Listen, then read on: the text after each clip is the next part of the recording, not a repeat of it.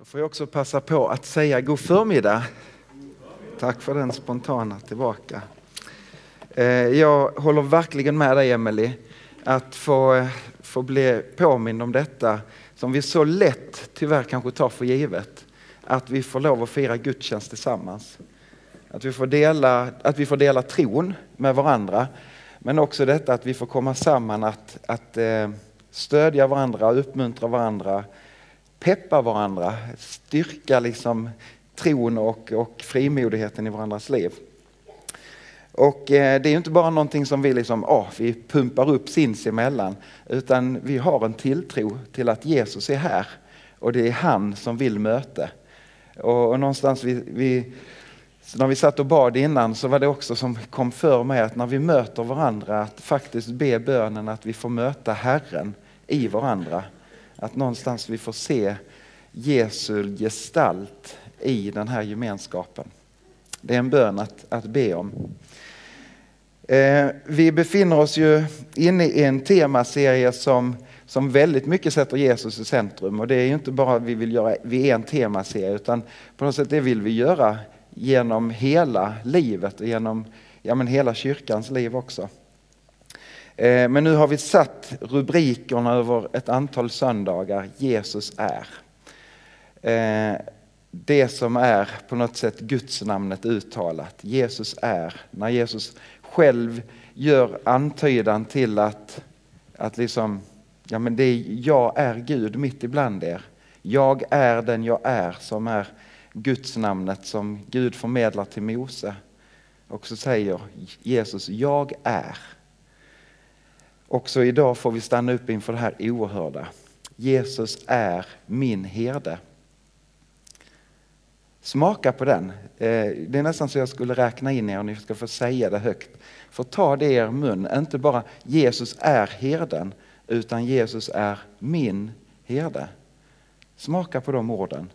Ett, två, tre. Herde. Min herde.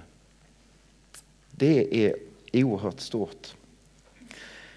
Jag fick den stora förmånen att få lite hjälp med den här predikan. I fredags kväll så satt jag här tillsammans med ett gäng ungdomar och tonåringar eh, och eh, öppnade Bibeln tillsammans. Och så hade vi en timmes bibelsamtal. Fantastisk stund, det var nästan en liten höjdpunkt i veckan. Så tack till er som var med där. Eh, och så läste vi om Jesu ord när han, när han ger i en liknelse eh, hälsningen till lärjungarna och också en hälsning till oss. Att jag är herden, den gode herden och jag vill vara din herde. Så läste vi bibeltexten och Jesu ord i Johannes 10 och ett antal verser där. Och eh, så läste vi det först en gång snabbt tillsammans och sen så sa jag slut nu era ögon och så läser jag det långsamt för er igen. Och så tänk att ni är där. Tänk att ni är en av lärjungarna som sitter och, och, och lyssnar på Jesus eller ser det framför er som, som de kanske såg framför sig. Också var nyfikna på vad ni, vad ni upptäcker. Vad är det för frågor som väcks i er? Vad är det för reflektioner ni gör?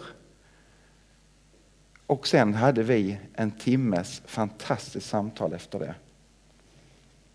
Så när vi nu läser ifrån Johannes 10 och framåt så kanske du ska göra på samma sätt. Ställ dig frågan, vad är det jag, vad är det jag hör här? Vad är det jag ser? Vad är det Jesus vill förmedla in i mitt liv? Jesus han säger, sannoliken jag säger er, den som inte går in i fårfållan genom grinden utan klättrar in på ett annat ställe, han är en tjuv och en rövare. Men den som går in genom grinden i fåren ser det. För honom öppnar grindvakten och fåren hör hans röst och han ropar på sina får med deras namn och för ut dem. När han har släppt ut sina får går han före dem och fåren följer honom därför att de, därför att de känner igen hans röst. Men en främling följer dem inte utan springer ifrån honom därför att de inte känner igen främmande röster. Denna bild använde Jesus när han talade till dem, men de förstod inte vad han menade. Det kanske är så att du bär med dig, om det fångades någon reflektion eller en tanke i ditt inre nu, så dela den på kyrkfika tillsammans med någon annan. När vi satt så, så var det en som, som väldigt, väldigt klokt sa så här att ja, jag tror att Jesus menar att vi är fåren och han är herden. Så det är ju helt fantastiskt. Du är ju klokare än lärjungarna. För de fattar ju inte vad Jesus pratar om. Visst stod det så? De hörde vad Jesus men de förstod ingenting. Något förstod de kanske, men, men ändå förstod de inte när Jesus talade till honom i de här bilderna. Och ändå så tänker jag att, att de hade helt andra förutsättningar att faktiskt förstå vad Jesus menade än vad vi har i vår tid. Jag tror faktiskt att, att bland, bland Israels folk och det judiska folket lå, ligger en större och låg också då en större för, förförståelse för liksom hälsningen som vi kan ta del av i Gamla Testamentet. Genom deras historia, hur de hade liksom kopplat bilden av Israels herde kopplat till Gud. Och David uttrycker ju så i den mycket kända Psaltarpsalmen 23. Herren är min herde, mig ska inget fattas. Och sen tänker jag också att att, eller jag gissar i alla fall, att lärjungarna då hade sett fler herdar än vad tonåringarna och ungdomarna här nere i hörnan i, i fredagskväll har sett. De levde i en kultur där, där det liksom herde, liksom, arbetet var, var synligt för deras ögon. Och kanske Jesus faktiskt står tillsammans med lärjungarna utanför murarna i Jerusalem och, och ser över herdarna, hedarna där herdarna kommer och leder fåren som ska bäras fram i templet. Kanske han pekar på en, på en folla där liksom någon herde har samlat sin jord och så säger han Jag är den gode herden. Och så talar han till dem i liknelser, bilder som de har för sina inre ögon. Ändå förstod de inte. Vem är du Jesus som, som säger de här hälsningarna till oss? Och jag tror att det Jesus vill hälsa till lärjungarna då, men också till sina lärjungar och till, till Guds folk genom alla tider och därför också en hälsning till oss idag.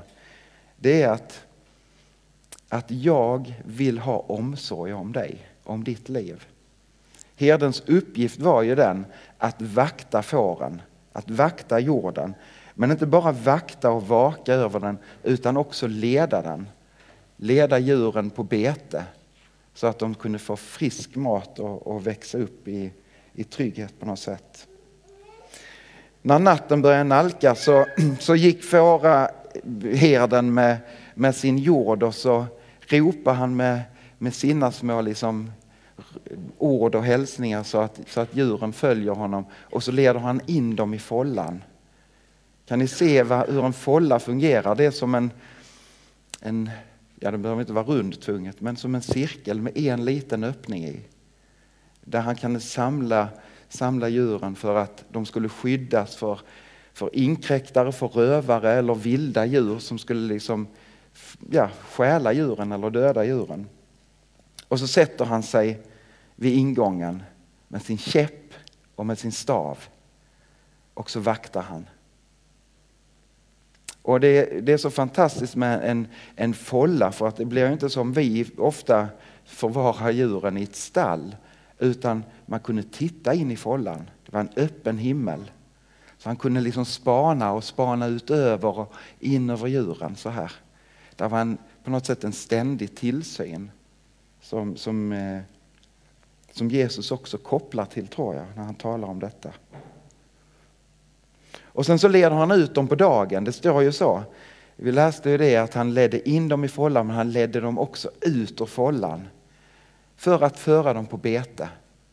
Och den gode herden gör så att han söker platserna där det är friskt gräs har kanske varit iväg tidigare och liksom letat upp, hit ska jag föra mig jord. Många gånger så tog man, tog man liksom fram eh, djuren och follan tidigt, tidigt på morgonen för att man skulle kunna ta vara på morgontimmarnas dagg i gräset. Kanske det enda vattnet de fick när de vallade fåren ut i öknen. Och så för han dem på bete. Och så när han leder dem så leder han dem också med beskyddet. Han går där med sin käpp och sin stav. Och lär vi känna kung David som också var en herdepojke så hade han ju också sin slunga för att vakta fåren. Vaka och vakta. Och så säger Jesus i detta, jag är den goda herden som vakar över ditt liv. Och då är det inte bara vem som helst som säger det, utan Jesus som har all makt i himlen och på jorden. Han är den som vill samla sitt folk i follan.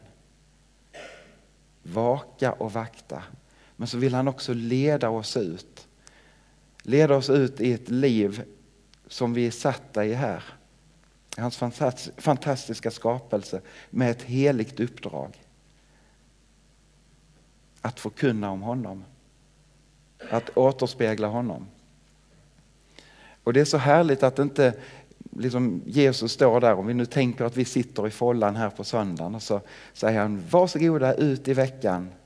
Lycka till, vi ses nästa vecka.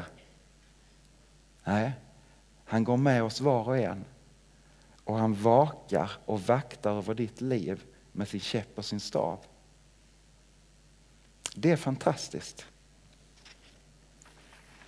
När vi satt i vårt lilla samtal här i fredags kväll så gjorde vi just reflektionen över detta att, att vi faktiskt är utsatta för inte bara Guds kärlek utan vi lever i en, en tillvaro där vi också är utsatta för en kraft som vill lura oss bort ifrån Gud.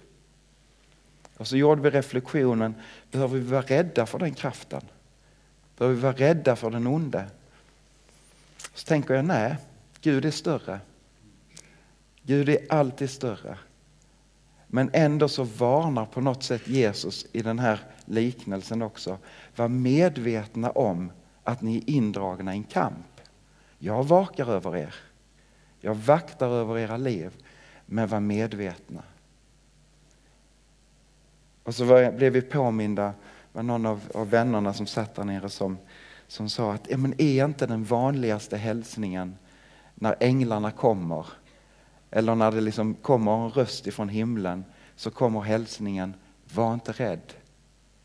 Eller som Jesus själv säger, säger känn ingen oro. Tro på Gud och tro på mig. Jag satt aldrig och räknade på detta, jag kollade aldrig upp det, men det var någon som sa sägs det inte så många gånger så att det är ett uttryck för detta för varje dag på året. Vi behöver kanske påminna oss om det varje dag. Var inte rädd. Men var medveten om att vi faktiskt är indragna i en kamp på ett eller annat sätt. Det var min första grej som, vi, som jag vill plocka upp ifrån det här samtalet. Gud vill vaka över dig och leda dig. Sen så den andra liksom, tonen som slog an i mig i alla fall när jag läste det. Eh, det var egentligen en ton som ledde mig till ett annat bibelord. En annan tillfälle där Jesus också knyter an till detta om att han är herden. Och det är att herden är angelägen. Han är oerhört angelägen om sina får. I Lukas 15 så kan vi läsa liknelsen om det förlorade fåret. Nu ska vi se här. Tänk om jag har gett er fel verser. Det har jag ju verkligen gjort känns det som. Mm. Visst är Lukas evangeliet i Nya Testamentet? va? Sa jag bara för att någon skulle känna att jag, även jag är förvirrad. Hur kan detta vara? Detta är kanske en annan bibel? Eh, nej, det är det inte. Mycket märkligt. Vi återberättar den storyn. Liknelsen om det förlorade fåret.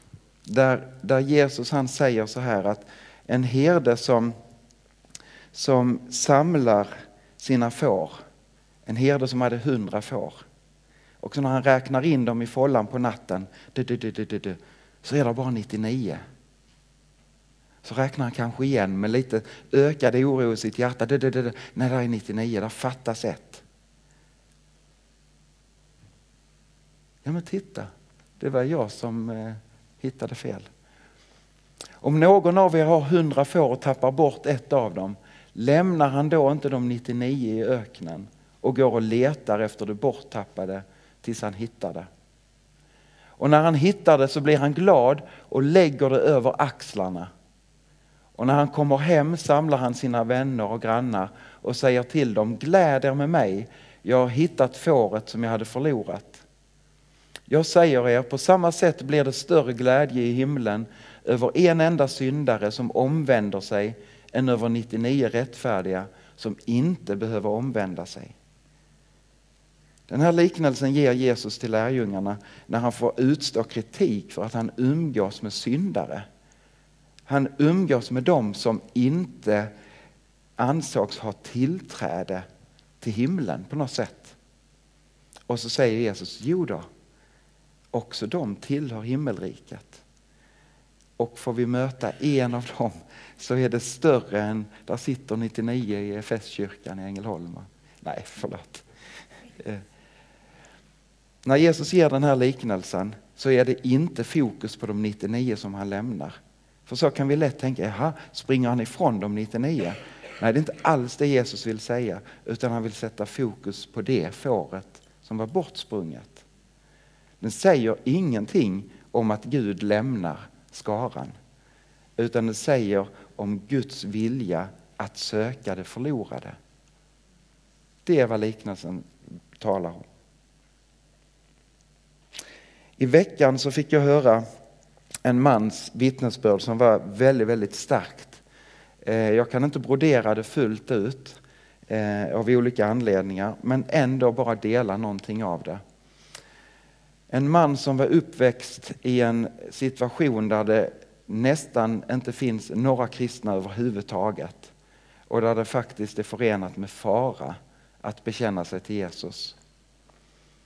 Han fick för ett antal år sedan möta Herren i en dröm. Han mötte Jesus och Jesus talade rakt in i hans liv. Och så sa han, följ mig. Följ mig. Och han kom till tro på Jesus. Bekände sig till honom som jag förstod det så fick han sen inte möta kristna på flera, flera år. Men han kom till tro för att Jesus sökte honom och talade in i hans liv. När jag hör sådana vittnesmål så kan jag bli så här, men Gud varför gör du inte det med alla människor? Varför uppenbarar du inte en dröm bara liksom så? Och då vet jag inte svaret på det. För att jag är ett får jag är inte herden. Jag är det skapade och inte skaparen. Jag släpper det till honom. Men jag kan ändå liksom, det kunde du väl tänkt på Gud lite. Men den här frustrationen, men istället för att oja sig över att det inte är så som jag hade kanske tänkt var bättre. Att bara få glädja sig över det som faktiskt är. Den här mannen kom till tro. Hans familj kom till tro genom honom och sen så några till kom till tro genom honom. Och nu är de med och bygger en kyrka. En gemenskap, en folla. Där de vill inbjuda fler. Detta händer idag. Och jag avundas deras mod. Gud söker och, och ta, ta det så här personligt. Gud söker dig. Gud kallar dig vid namn. Men Gud söker kanske också andra genom dig. Och så flyttar vi in i missionsbefallningen. att vi får gå ut och möta människor med Jesu kärlek så att fler får se vem han är. I vårt lilla samtal här bak i fredags, så när vi reflekterar över detta så, så kom den här våndan. Ja, men, oh, när man inte når fram, eh, eller om det är långt borta, det är någon som man liksom eh, skulle vilja tala in i eller vittna för, men, men man når inte fram. Så sa vi, glöm aldrig bort bönen. Bönen kan nå hur långt som helst. Där vi har en upplevelse att vi inte når in, där kan Gud nå in också genom bönen. Så glöm inte bort dina bönebarn, de som Gud har lagt på ditt hjärta. Kanske Gud vill påminna dig idag igen om att liksom aktualisera den bönen. Och kanske att den får kryddas med bönen Gud, ge mig ett tillfälle att faktiskt stiga in i den människans liv och dela evangeliet. Med ord eller med handling. I fredags så utlovade jag också att få stanna upp lite grann idag för en del som inte vi hann riktigt prata om i, färdigt i fredags. Jag vill bara beröra det kort. 1. Gud leder dig och vakar över dig. Gud är angelägen om ditt liv och varje människas liv. Och Gud talar över ditt liv. Gud talar över och in i ditt liv. Frågan är då, känner jag igen rösten? Hör jag Gud tala? Och jag tänker så här när vi läser i Johannes eh, 10 och de där verserna när, när han säger att han kallar dem vid namn.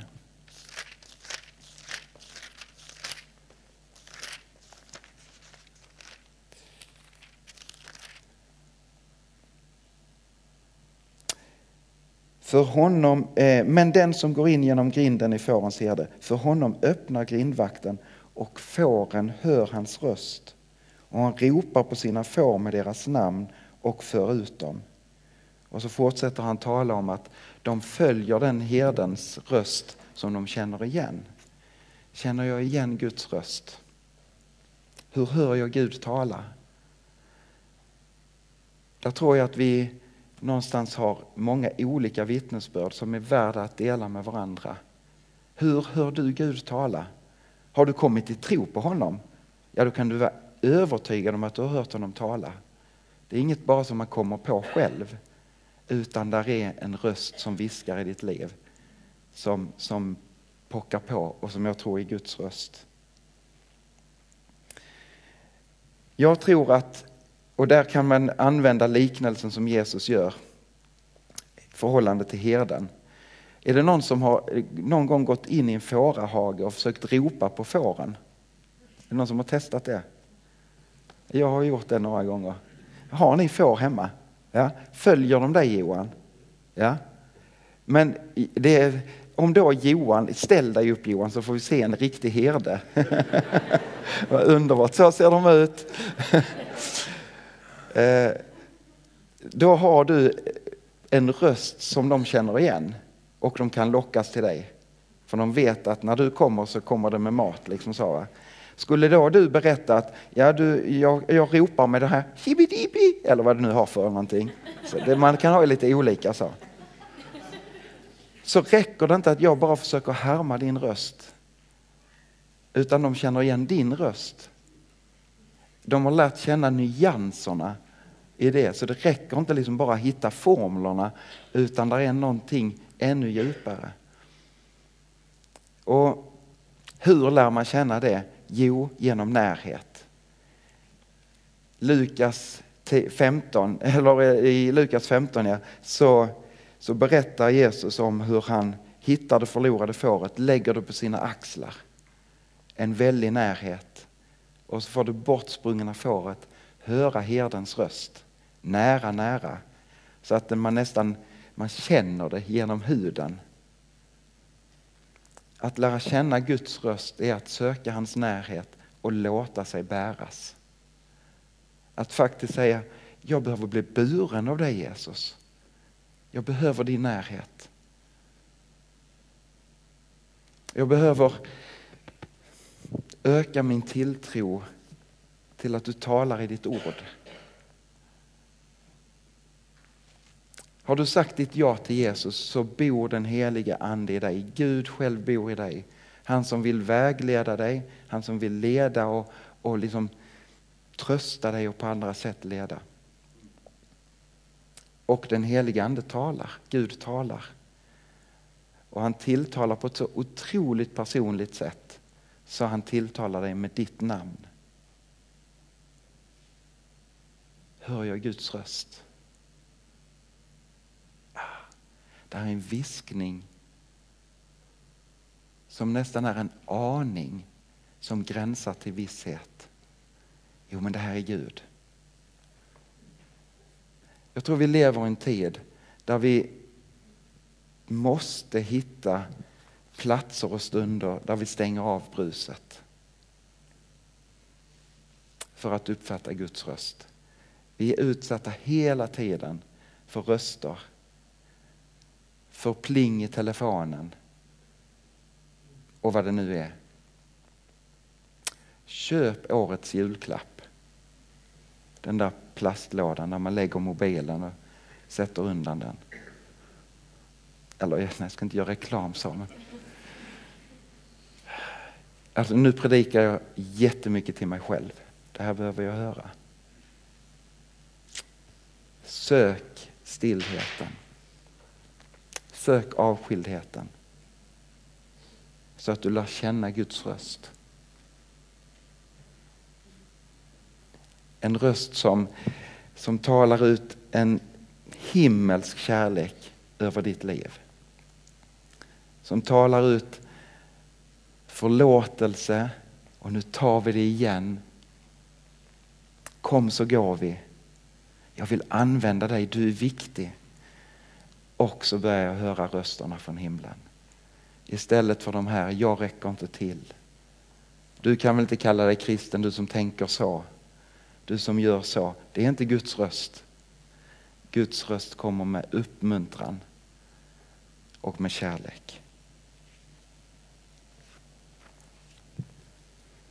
Innan vi ska få höra en sång som får tala vidare om detta så vill jag bara avsluta och läsa från Hebreerbrevet 13 och 20. Må fridens Gud, som i kraft av ett evigt förbunds blod har fört fårens store herde, vår Herre Jesus, upp från de döda. Må den guden, fridens Gud, styrka er i allt gott så att ni kan göra hans vilja. Må han låta det som behagar honom förverkligas i oss genom Jesus Kristus. Hans är härligheten i evigheters evighet. Amen.